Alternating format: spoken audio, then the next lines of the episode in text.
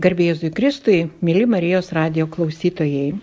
Kviečiame praleisti pusvalandį su laida Dievas gydo. Ši laida yra skirta onkologiniams ligonėms ir jų artimiesiems. Studijoje esame dvi moteris, dvi onkologinės ligonės, aš Aldona Kirpytė ir ilgametė Švento Pranciškos onkologijos centro lankytoja Ramutė Balčaitinė. Mes bandysim prisiminti savo patirtis, dvasinės, bet šiandien noriu labiau kalbinti Ramutę, kuri jau kiek metų lankosi pas mus? Aštunti metai. Aštunti metai.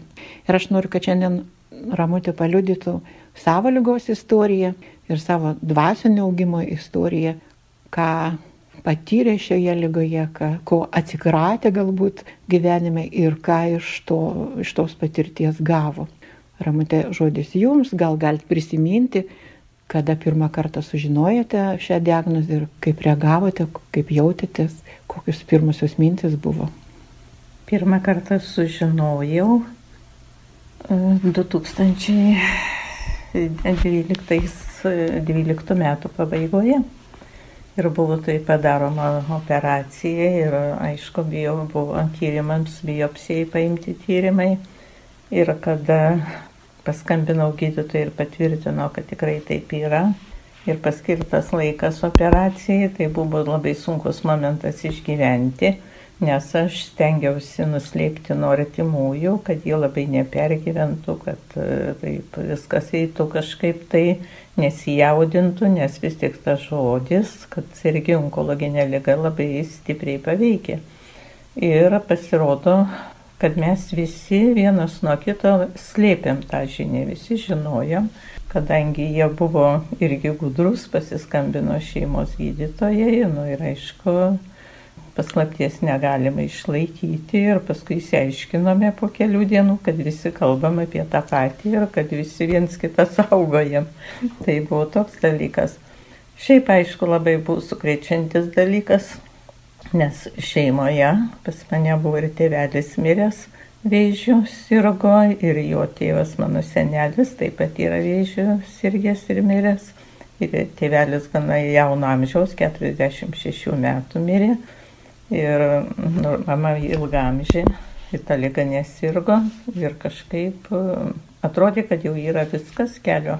Kelias gyvenimo nueitas ir jau yra finišas pasiektas ir aišku, kad jau nebeliko ilgai ir daug gyventi. Ir kažkaip prabėga visas gyvenimas prieš akis, viską pergalvoji. Ir, ir atrodo, jau toliau nebėra kur skubėti. Viskas po to po operacijos, kada sužinojau, kad yra pirma stadija, tada aš labai atsigavau ir gydytoja tokia buvo labai puikiai nuoširdį ir pasikalbėjome su jie ir vis tik pasirodo, kad čia yra ne, dar ne viskas, ne pabaiga, dar toliau eina gydimas, dar toliau viskas priklauso nuo savęs paties ir nuo, nuo, nuo daug ko taip pat, nuo gydimo jėgos ir nuo savęs.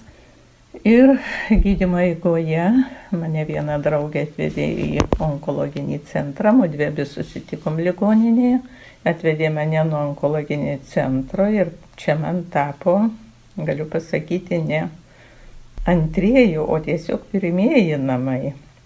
Tai buvo namai, kurie padėjo pakilti, atsistoti ant kojų dvasiškai ir fiziškai.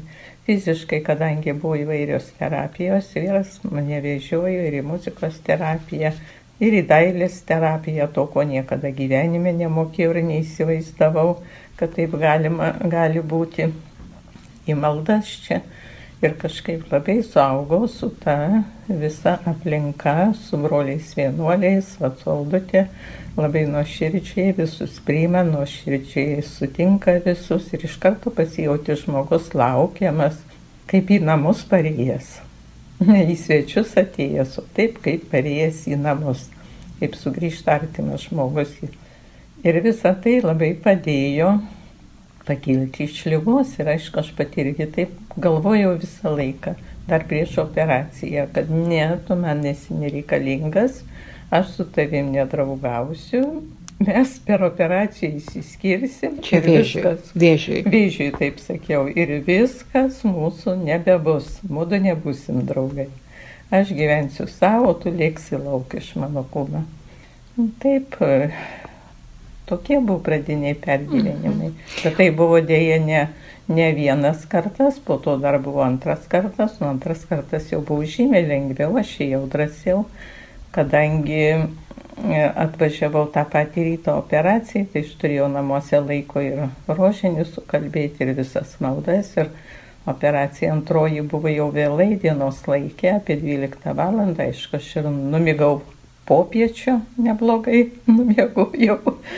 Taip jau žymiai ramiau jaučiausi, jau buvo pasitikėjimas savimi, pasitikėjimas Dievu, pasitikėjimas tiesiog gydytojais, viskuo. O toj pačioj pradžiai, nu, kai vis tiek sužinojote pirmą kartą vėžio diagnozę, koks buvo gal klausimas Dievui, ar savo, ar kaip, kaip tikėjimo dalykai su, su, su ta žinia surezonavo?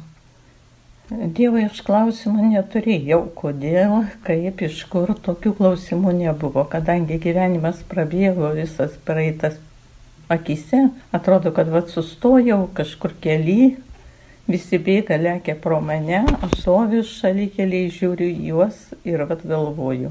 Galvoju, ka, kodėl, kaip, kodėl aš pasigavau tą lygą.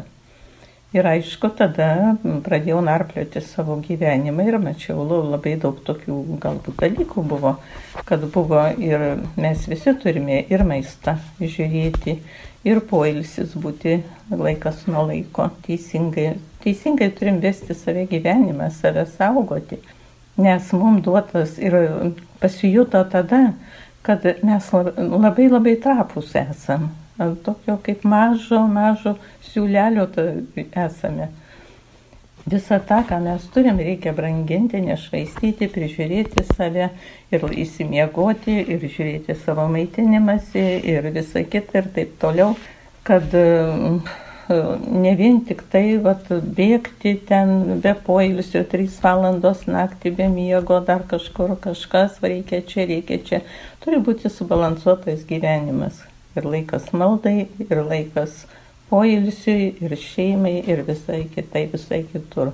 O kažkaip Dievui tokių priekaištų aš neturėjau, nes aš mačiau daug kur savo kalbę, aš tikrai turėjau jam prašymų. Ir vieną kartą, pirmą kartą buvo toks prašymas. Man atrodė, kad jeigu aš nors tris metus dar išprašysiu gyventi, tai bus labai labai daug. Kadangi tie trys metai man buvo susijęti su anūkės mokslais čia ir galvoju, jinai dar turi tris metus mokytis pas, pas mus ir kad, va tokia, kad aš būčiau, jai būtų stabiliau čia. Na ir aišku, tas antrą kartą ir susirgau po trijų metų, pasirodo. Pasirodo, ne tiek daug, netoks ilgas laiko tarpas, o beskubėdama dar ir apsiskaičiavau, vis tik anūkiai reikėjo daugiau dar mokytis, ne tris metus. Tai va tokie dalykai. O pasitikėjimas Dievo buvo, jis išliko ir net sustiprėjo dabar. Mhm. Mhm. Tas asmeninis santykis gilesnis galbūt atsirado. Asmeninis santykis su Dievu, aš, taip jis yra labai sustiprėjęs, jis yra geresnis. Ir nu, aš visą laiką buvau tikinti, bet tą tikėjimas yra, aš tikiu. Ir aš vat, pasimeldžiau, aš nuėjau čia, nu, yra kartais paviršutiniška, mes tokį turim tikėjimą. Tas pats ir pas mane buvo, sakyčiau, galbūt daugiau paviršutinis, bet po to, po tų visų apmąstymų, po tų visų maldų prašymų. Ir, ir, ir aš viešpačiui dėkinga už tuos žmonės, už tą kelią, kad mane būtent atvedė čia, vilties centrą, onkologinį centrą. Ir pasitikėjimas, tikėjimas ir pasitikėjimas išaugo. Ir labiau išaugo pasitikėjimas juo yra. Mhm. Nes yra tikėjimo, tikiu, dabar aš tikiu, širdimi tikiu ir protu bandau tai pagrysti, kad va, tikėjimas ir remiantis kažkokiais tai išgyvenimais, faktais, dar kažkuo tai, tai stiprina tą tikėjimą. Ir va, išgyvenimas tų operacijų, tų, tos lygos vieną kartą, kitą kartą tiesiog mane labai sustiprino tame. Ir malda keitėsi. Taip. Kito malda. Taip ir malda keitėsi, ir maldos pobūdis keitėsi. Ir, ir pats tikėjimas, jisai atsirado ne kur kažkur šalia manęs ten, ar tai, kad aš tikiu ir vat, pakalbėsiu poterėlį tenai, vat, nueisiu miegoti ir mano sąžinė rami, kad aš jau padariau tai, ką reikia, bet pats tikėjimas jau dabar yra širdyje. Atrodo, kad ten taip suaugę į vieną, kitaip ir būti negali. Jokių nėra net abejonių, kad gali būti kažkas mhm. kitaip kadangi va tikėjimas, sako, tai aš va, nežinau, nemačiau, negirdėjau, nu, tikiu ir tiek. Mhm. Aš nesakyčiau, kad aš tikiu ir aš žinau, kad tuo, kuo tikiu, kad tikrai taip yra.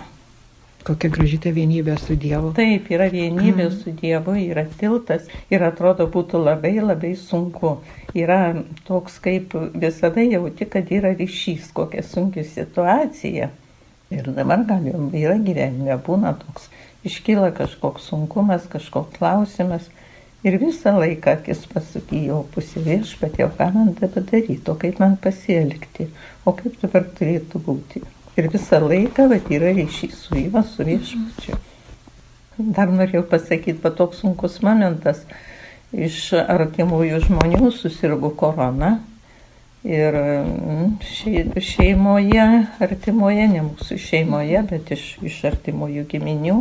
Ir man buvo toks mm, aiškus smūgis, kad, kad, kad artimis žmogus serga.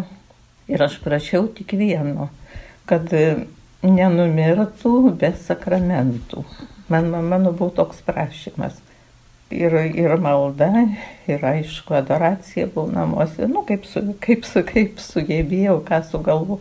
Taip aš melčiausi ir rožinį, ir visą kitą, ir šventos mišios buvo už artimą tą žmogų.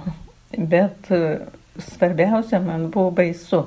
Galvoju, jeigu numirtų jinai be sakramentų, nes yra vis tik ligonis yra problema. Ir, ir, ir gydytojai ten su, su kunigais, sakykime, su viskuo, su sakramentais.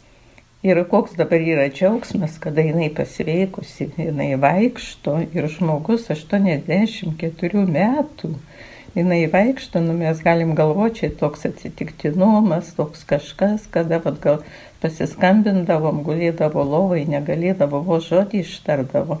O dabar, vat, ir vakar kalbėjau su. Ja Ir jinai puikiausiai, nuotaika gera, viskas gerai, taip toliau, nu ten požymių yra likę, ne, nepraktipuoja dar kažkas, bet, bet toks tarsi ir patvirtinimas, kad tikrai Dievas yra šalia mūsų, kad Jis mus mato ir kad mūsų gyvenime Jis dalyvauja. Norėčiau dabar dar paklausti, Ramantė, kaip, kaip Dievo žodį atradot, ar prieš tai skaitydavot šventą raštą ir pati nagrinėjot Ir, sakykime, dabar mūsų Švento Pranciškos onkologijos centre mes turime lekciją diviną ir skaitom šventą raštą. Kaip šita patirtis keitėsi? Aš esu jį skaičiusi, pada, kada buvo jo nepriklausomybės metai, aš radau, nusipirkau, dar paklausiau kunigo, kokią reikia pirkti. Ir nusipirkau, skaičiau ir vieną kartą, ir kitą kartą, aišku, keletą kartų bet buvo sudėtinga ten. Tokių, dar aš ieškojau tokių apie atleidimą, kadangi mes atleidžiame vieni kitiem vis taip, o būna tokių atvejų, kad būna labai sunku atleisti žmogui, kuris galbūt tavai, nu kažką ne tik, kad įskaudino, bet dar blogiau gal pasielgė. Ir, ir vis tik ten perskaičiau daug ir labai daug ir visur parašyta, kad vis tik tai reikia, reikia, reikia būti atlaidėm vienas kitam. Taip. Ir paskui man taip tais metais, gal 2000-aisiais buvo, aš tiesiog melžiausi ir prašiau Viešpatė, kaip man suprasti? Čia, man yra labai sudėtinga, kur man nueiti, kur man prisijungti, nes kažkaip tada dar nebuvo tų visų, dabar yra daugiau, ten alfa kursai, visa kita, taip toliau tuo laikotarpiu tada dar buvo tuščia erdvėta. Ir atėjus į, ir norėjau aš ir piligriminių kelionių ir visko, ir vis prašiau viešpaties, nu kur, kur, kokiu keliu man nukreiptis, į kurią pusę. Ir paskui susipažinau su žmonėm ir piligriminių kelionių pasidarė gausa, tik spėk važiuoti, sveikatos turėk. Ir atėjau onkologinį centrą ir čia broliai pranciškonai tą šventą įraštą aiškina, nagrinėja mes ir labai plačiai atsivėrė tikrai akys. Ir galiu pasakyti, kuo plačiau, tuo vis tik daugiau klausimų kyla. Mhm. Tie klausimai tarsi ateini kitą kartą ir atrodo, va taip aš norėčiau to ar to ar to paklausti. Jo ateinam sekantį kartą, būtent va jau apie tai mes ir kalbam. O dar prisimenu, būtų 2000-aisiais, nuėjau į bažnyčią, galvoj perskaičiau kažko tokį ten šventam rašte. Iš Evangelijos kelias eilutes, nesu, nu, nesuprantu, kažkaip, kaip čia dabar manęs pasigauti. Ir nuėjau į bažnyčią per mišės, būtent kunigas pamokslą tą temą sako. tai nu, labai, labai, labai geri dalykai, tie dvasiniai dalykai labai reikalingi. O ar kaip nors kito jūsų artimųjų tikėjimas, na vis tiek, kai e, sužino, kad, e, nu, sužinojo, kad jūs susirgote, kaip vyras reagavo, kaip jis tuose dvasiniuose dalykuose iškojo savo pagalbos, ar, ar mokosi iš jūsų dabar? Dvasiniuose jam iš manęs, aišku, aš nesu tokia jau ypatingai mokytoja jo, bet e, jis kartu lanko kartu lanko, lankosi čia, kartu eina kaip artimasis į visus susijėmimus, eina kartu ir Dievo žodį, ir labai su noru važiuoja pranciškonų bažnytėlė melstis į mišes ir labai su noru čia važiuoja ir jam labai, labai patinka čia. Ir vis atklausė, ar čia jau būsim, ar dar dalyvausim, ar šiandien tą savaitę bus ar nebus. Tiesiog jam irgi labai turi tai įtakos yra, sakyčiau, jo supratimas, akiratis, aš pastebiu, kad irgi labai praplatėjo ir va, toks, toks yra žmogaus visai kitas požiūris į viską, į atlaidumą, į, į visą kitą. Ir toks atvejis, kaimyniai nepatiko, kažkas išbarė jį tenai. Na, nu, jisai sakau, ką tu dabar sakėjai? Sako, nieko nesakiau, jų katalikiška Nu, katalikiškai gyvenant reikia atleisti. tai čia didelis pasiekimas, nes mes labai mėgstam vieni kitus auklėti. Pasėtas į dirbą ir jau galima sakyti, šaknys to grūdelio mm -hmm. yra, jau daigelis kyla, visi įsitvirtino. Norėčiau dar matę paklausti.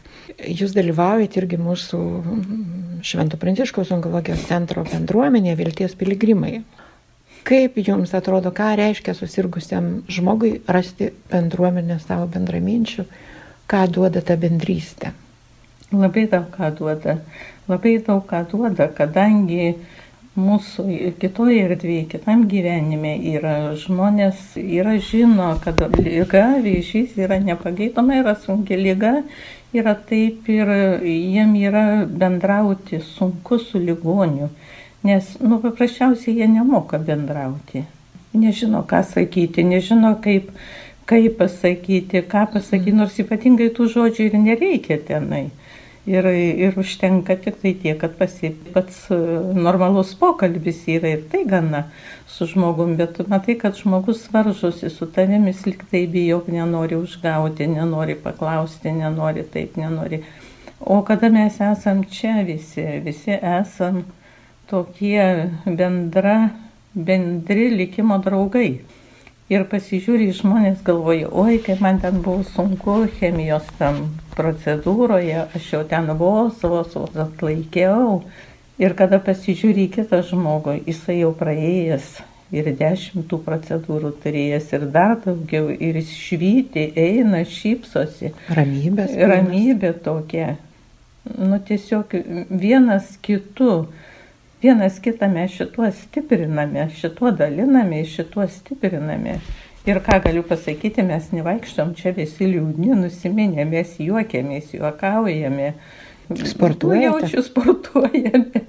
Tikrai ir, ir dviračiais važiuojame, ir triratukais, kas kaip sugebam kuo džiaugiamės gyvenimu ir džiaugiamės tą akimirką, kurią mums Dievas davė, kaip mūsų direktorė sako, gyvename, audite, kaip sako, gyvename viršvalandžius, tai dabar aš taip pat irgi pagalvoju, kad reikia, kad tie viršvalandžiai būtų e, teisingai išnaudoti ir turi būti viskas praleista nu, Dievo garbiai, nes jis mums davė tą gyvenimą antrą. Taip. O kai kam ir trečią iš mūsų. Tai žvelgiant dabar iš tos laiko perspektyvos ir atgal, ir, ir į priekį, kokie brangiausi dalykai būtų jūsų gyvenime dabar? Nu, kas būtų brangiausia, kokius tos brangiausios Dievo dovanos gyvenime, kurį turim, kad ir su problemam? brangiausias ir ką reikia išsaugoti. Aš tik dabar irgi tą pilnai supratau, kad reikia išsaugoti tikėjimą, išsaugoti viešpatį savyje, išsaugoti ryšį su juo, išsaugoti ryšį su dangiškąją mūsų motinėlę. Tai čia yra patys svarbiausi ir brangiausi gyvenimai. Taip pat yra vaikai, taip pat vyras, nes vaikai mes didžiuojamės, ten mano sūnus, mano dukra, bet tai mes nepamirškime, kad tai yra Dievo dovana mum. Dievo mum paskiri, atvesti pas mus ir mum paskirti gyvenime taip pat. Na nu, ir aišku, šeima yra labai svarbu. Ir aš labai dėkinga savo vyrui, jis man labai padėjo visur vedžiojo, visur vežiojo procedūras ir visa kita. Ir atvažiuodavo ir į palangą, į rehabilitacijos centrą, padėdavo kiekvieną dieną ir eidavo pasivaikščioti, vesdavo mane. Tai va tokie, tai yra patys brangiausi dalykai. Ryšys su artimaisiais, neprarasti ryšio su Dievu, neprarasti ryšio su artimaisiais. Nes tai yra brangiausia, ką tu. Man brangiausi dalykai. Pasirodo, ne tiek ką nors nuveikti, o kaip ne išmokti tiek, būti. Nuveikti, todėl, Svarbu. kad ar ten daugiau to turto yra, ar mažiau, ar kas, kažkaip, tai tas paskui nebeta, nebetenka prasmės gal. Nes aišku, reikalinga, nes reikia ir vaistus turėti ir visą kitą ir taip toliau, mhm. materialiniai mhm. dalykai yra reikalingi. Bet patys tampriausi ryšiai turi būti su išlikti su viešpačiu ir su šeima, šeima artimaisiais visais. Tai gyvenimas įgavo naujų spalvų. Su ta lyga, toje lygoje, nu, lyga yra jau dabar pagydyta ir antrą kartą pagydyta. Nu, ir antrą kartą pakol kas, ačiū Dievui, yra. Taip, gyvenimas įgavo visiškai kitokias spalvas ir kokios vertybės buvo anksčiau. E, dabar, dabar yra kitokios vertybės Todėl, kad anksčiau galbūt buvo taip, jau bėgiai per gyvenimą ir viską įmi greitai iš jo čia. Mano čia, mhm. mano čia, man čia, man. O paskui pamatai, kad tas viskas yra ir, ir paskui kiek lieka nuo to laiko laisvo, mhm. kiek lieka, sakykime, Dievui ir maldai. O dabar apsisuko viskas vis kitaip. Pasirodo, kad čia ne, čia yra tik antraeilis tas bėgimas. O, o visi kiti dalykai yra pirmiausiai viešpats ryšys su juo. Tikėjimas. Mm -hmm. Dažnai žmonės galvoja, kad jeigu va jau tokia lyga, tai jau čia toks sužlugimas, kaip žmogus krenta žemyn, bet iš tikrųjų, nu, kaip mes sakom, kad įkrentam iš šulinį toj lygai, bet išlipam iš jo su Dievo pagalba. Su Dievo pagalba. Ir tada kylame. Kaip tik tas yra toks, nu, toks išbandymas, toks patikrinimas tavo visų, visų vertybių jis yra tikrai žmogaus pakilėjimas aukštyn, kada bręstame ir kaip asmenys, ir bręsta mūsų tikėjimas. Ir ateiname į tokią brandą, kada tikrai pasitikėdami Dievu galim būti ramus, gyventi toliau ir dar svajoti. Ir dar svajoti. Ir kūrybą. Ir, ir kūrybos įvairios, ir minčių gerų jau tada ateina ir sveikata, ir atrodo eini, bėgi, kaip nieko ir nebūta.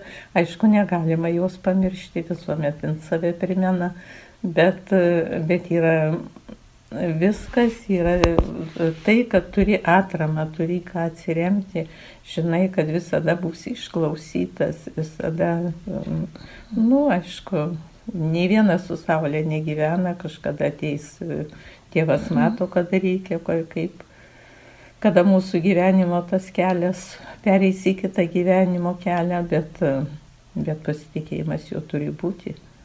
Ir yra ir kada yra žymiai lengviau, o be vilties centro arba be, be, be brolių pranciškonų pagalbos, be vilties centro įvairių čia užsiemimų tikrai būtų buvę labai sunku. Ir vat man kažkaip net ir gaila kartais žmonių arba pažįstamų aš turiu ir jie yra susirgę ir aš pavadinu, kad ateikim čia. Nu, žmogus jis vienas nedrįsta, kitam gal per toli gyvena, kitam kitokios sąlygos yra, ne visi gali ateiti ir faktiškai ne visi supranta. Kiti bijo tikėjimo. Kiti bijo, bijo tikėjimo, tikėjimo, kiti. Bijo, ir va šiemet mus labai daug lankė jaunų vasarį giminaičių, tai jie gyveno palangoje, mes susitikdavom taip neutralioj aplinkoje ir aš visus, kur iš Vokietijos atvažiavę, iš Anglijos, iš Airijos mhm. parvažiavę, ir aš visus atvežiau iki centro, mhm. parodžiau, aprodžiau visą tą nuostabų rožyną, nuostabę aplinką, pažiūrėjom ir į koplytėlę, per, kai neuždaryta buvo uždaryta per langą. Ir pasakiau, prisiminkit gyvenime, jeigu toks atvejis, eikit ir kreipkitės drąsiai čia. Visada rasit paguodą, visada rasit atramą, visada būsit suprasti ir visada atrasit Dievą čia. Atrasit Ačiū. tikėjimą. Ačiū Ramutė už tokį gražų liūdėjimą. Mūsų laida taip pat eina į pabaigą. Ir norėčiau tik vieną dar tokį įvykį prisiminti, kad e, žmogui, kuriam turėjo išoperuoti burnos vėžį, gerklės, gydytojas pasakė, kad jis niekada daugiau nebekalbės. Ir sako, klausė jo, ką norėtumėt paskutinį kartą pasakyti, kokius žodžius norėtumėt ištarti, nes po operacijos jūs jau nebekalbėsite. Ta žmogus galvojo, galvojo ir jo paskutiniai žodžiai buvo garbėjai Jėzui Kristui. Kaip gražu. Taip, nes žmogus ėjo drąsiai operuotis ir žinodamas, kad nebegalės ištarti lūpomis, jis visada galės tą pasakyti širdimi. Garbėjai Kristui. Ir tikrai abi su Ramutė dėkojame visiems klausytojams ir žinoma Dievui, mūsų gerajam viešpačiui, kuris niekada nepalieka mūsų našlaičiais, nepalieka vienų. Ir jis perina visas karantino sienas ir kad ir kokie vieniši jaustumėtės ligoninėje, tie, kurie gulite, kurių dabar negali aplankyti artimieji, prisiminkite, kad nesate vieni, kad Dievas yra su jumis. Jūs ten paieškokite jo savo širdyje. Taip. Su Dievu, su jumis buvo Aldona Kirpytė ir mūsų laidos viešne Ramutė Balčaitinė.